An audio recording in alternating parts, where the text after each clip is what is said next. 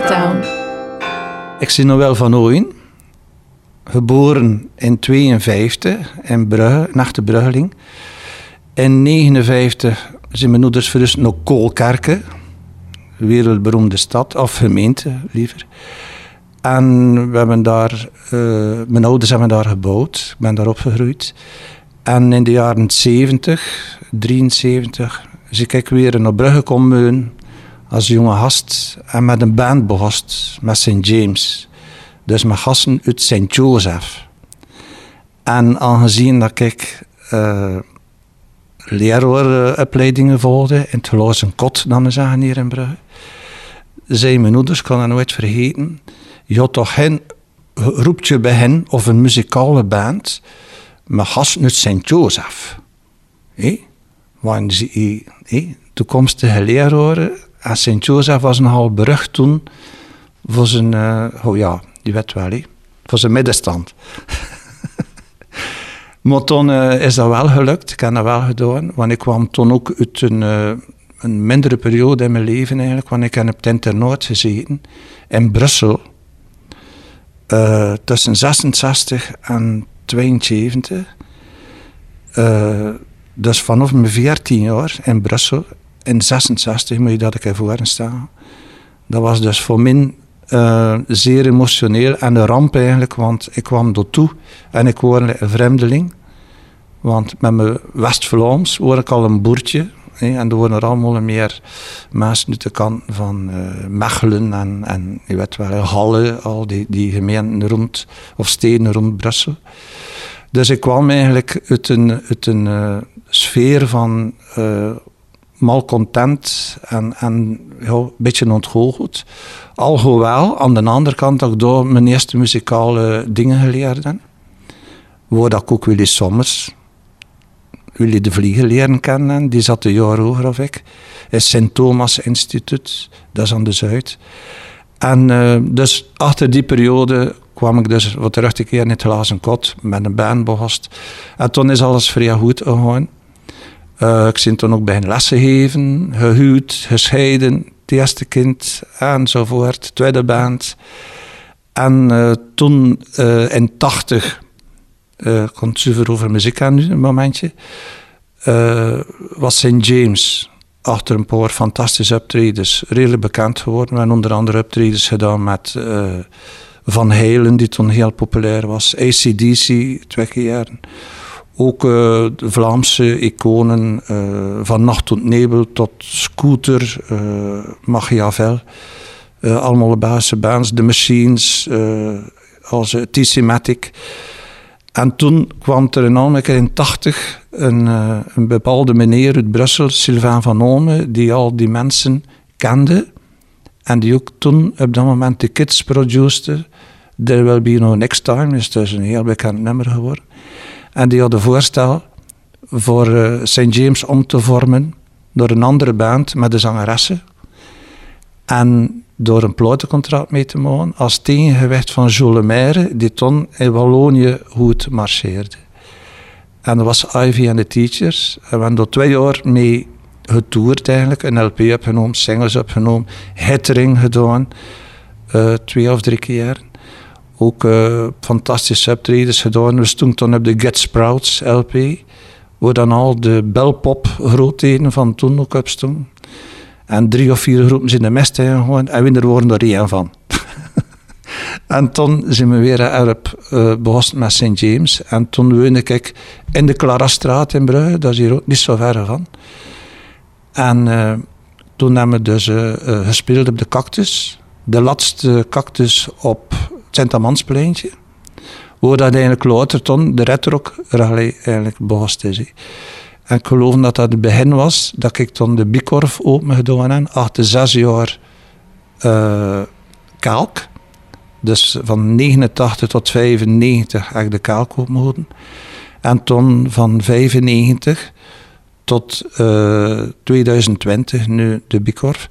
Maar voor terug te keren de eerste concerten op de uh, Tintamanspleintje van de Retro Rally weet ik nog dat ik pas in de Bikorf hoorde. Ik zit toen twee keer in op het Tintamanspleintje. De eerste twee woorden op het Tintamanspleintje. En het derde jaar, uh, ik kan uh, Horky in de kaal die er kwam repeteren. En dat, ik kan toen een connectie gehad met, met Horky, omdat Steven van Haver, de drummer, al bij min die een band had, Baby Talk. En door was er connectie. Ik weet nog dat Mario toen naar kwam. Van, uh, ja, ik heb die gasten hoe het. We zullen dat wel de retro uitbreiden tot grotere naam, nationaal eventueel. En uh, ja, ja, en uh, dus op een moment ik zei, oké, ik kan dat wel boeken. En toen heb ik Horky uh, op de retro krijgen. En toen was dat het begin van de samenwerkingen met de retro tot nu tot nu nog altijd. Nu is het natuurlijk een beetje minder met uh, dat streaming is. En uh, voor, de, voor nog een keer, dus de beginperiode van de Retro Rally, weet ik nog wel dat we op de beurs zaten. Eerst een podium onder de bomen. En toen is het veranderd naar de andere kant. En toen was er een bepaald moment, ik zie vergeten welk jaar, een, viel het topen de eerste mei met de bloedprocessie. En dat was een groot probleem, want we mochten niet van de stad op de burg de red ook doen, omdat er door de stoet ging te passeren. En dat kost niet samen gebeuren. En toen vlogen we naar, naar eh, de Botanie in En iedereen was er eigenlijk tegen. Ik weet nog dat iedereen zei, allee, we moeten dogen doen, eh, en dat is in het gras en dit en dat. Nadien natuurlijk, een jaar nadien, zijn we het omgekeerde. We zijn hier fantastisch goed. We hebben hier meer festivalsfeer en we kunnen hier vier keer zoveel mensen natuurlijk uh, ontvangen. En toen hebben we een paar uh, jaren in de Red Rock. Dan uh, echt rond toch 4000 kleine 5000 mensen gehad. Dat waren de hoogtepunten. Toen ja, het hangt ook een beetje af van het weer. Het weer was uh, meestal een spelbreer. Alhoewel, bij, de, bij onze uh, organisatie was dat geen uh, minpunt om het drankgehalte naar beneden te doen. Dat bleef hetzelfde. Of het nu regende of niet, we worden nogal goed zeer muzikanten. Nee. En toen hebben we daar een, toch allemaal een grote naam kunnen placeren ook. Belgische naam uiteraard. Eén keer in Nederland, de jeugd van tegenwoordig, had er ook nog gespeeld. Dat was toen voordat ze echt deuren gebroken zijn. Want anders was dat niet te betalen. En dat was ook de enige keer dat we moeten een hotel huren in Brugge voor de hoofdact. Dat weet ik ook nog. En toen, ja, veel, ik word een beetje eh, de man die de regionale pop en rock scene van Brugge probeerde erin te krijgen. En alle groepen die uh, oh, toekomst boden of die professioneel genoeg waren of die al een cd uitaan, uh, kregen toen keuren om de vooravond uh, te openen eigenlijk. En daardoor zijn er zeker ja, tientallen groepen eigenlijk voor de eerste keer op het podium gekomen met een serieuze PA, met een serieus podium, met serieuze belichtingen. En ze worden er allemaal heel uh, dankbaar voor. Uh, ja, ik ben in de Bikorf gekomen na zes jaar uh, kalk. En in het begin was dat nogal goh, moeilijk in de zin van er gebeurde daar eigenlijk praktisch niks. ik kan het overnemen van Tinne van Moefaert, die dat open deed sporadisch voor, tijdens en na voorstellingen. Maar er worden niet veel, dat was gewoon ja, uh, kleine vergaderingen, uh, kleine toneelstukken. Optredens worden er nog niet echt. En uh, toen ik ik doorgekomen, en toen was er een nieuw decreet. En in 19, wat heb ik nu gezegd? in 95 is er een nieuw decreet gekomen, is het cultuurcentrum opgericht. En toen ben ik daar terecht gekomen doordat ik gestopt worden met de kalk. En toen kreeg ik ook een, uh, een steun van de stad om dat te openen, omdat er ook een expositieruimte was eigenlijk, in het café. En daardoor kreeg ik een, uh, een maandelijkse toelage van de stad, om dat te compenseren.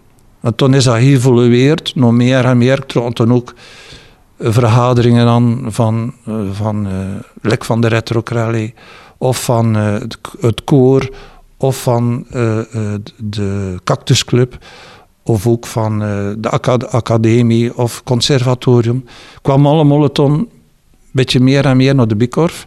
Omdat dat toen in eerste plaats de ruimte was er. Ik was afzonderlijk kon zitten. Uh, wel een beetje afgescheiden van de bar. En ook omdat op een bepaalde moment kost ik dat wel rust te houden. Omdat die vergadering toen rond de tien gedaan. En dus de, wanneer de drank is en de man gaat natuurlijk luider. En dat was later. Ik had toen ook veel uh, boekvoorstellingen gehad. Uh, dingen, ook zotte toestanden van, van het conservatorium, kleine optredetjes. ook stand-up comedy shows heb ik ook gehad. Vrede de Vader ontdekt het nog, die, die een, een presentatie hield in mijn café, moet ik even voorstellen, en er was niemand van de journalisten. Niemand. Hij was toen nog totaal onbekend eigenlijk. Uh, ze, ze toestaan. En toen is dat veranderd. Ongeveer na tien jaar is dat veranderd. Of een beetje meer, elf, twaalf jaar. Toen is daar een BEF gekomen. Dat was eerst Maaspeels. En toen is de inrichting veranderd. En ook de condities zijn volledig veranderd toen. In de Bikorf. Maar aan de andere kant uh, kreeg ik toen ook uh, grotere evenementen. De cactus kwam plots naar de Bikorf, waardoor dat je als compensatie van het, ja, van het wegvallen van de toelagen van de stad, kreeg ik wel grotere evenementen, waardoor dat, allee, dat leefbaar werd. En toen, ja, na de corona, wanneer dat het ook mag zijn, had er nieuwe uitbating gezocht worden maar ik ben geen kandidaat meer. En na 25 jaar was het mooi. Denk ik.